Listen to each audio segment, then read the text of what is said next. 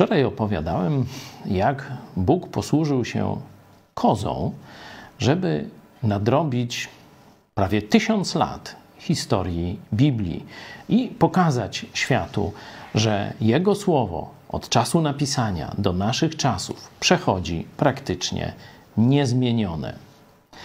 Gdybyście zobaczyli w Biblii jeszcze inne tego typu, typu przykłady, to zobaczylibyście, jak na przykład Bóg używa osła.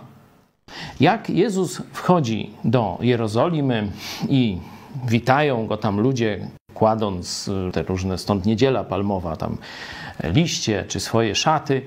Wtedy faryzeusze zgorszeni, no toż to, jak oni tak ciebie mogą chwalić, nie? Toż to nie, nie godzi się tak, nie? To bałwochwalstwo.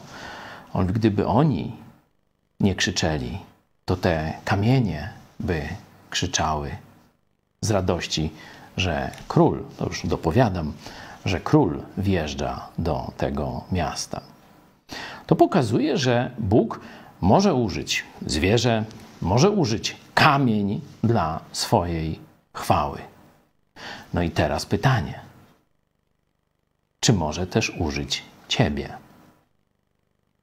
W liście do Tymoteusza w drugim czytamy 16, trzeci rozdział, wersety 16 i 17. Całe pismo przez Boga jest natchnione i pożyteczne do nauki, do wykrywania błędów.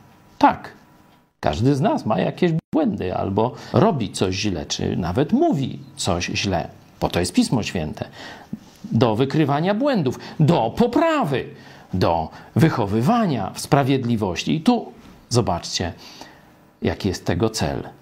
Aby człowiek Boży był doskonały, do wszelkiego dobrego dzieła przygotowany.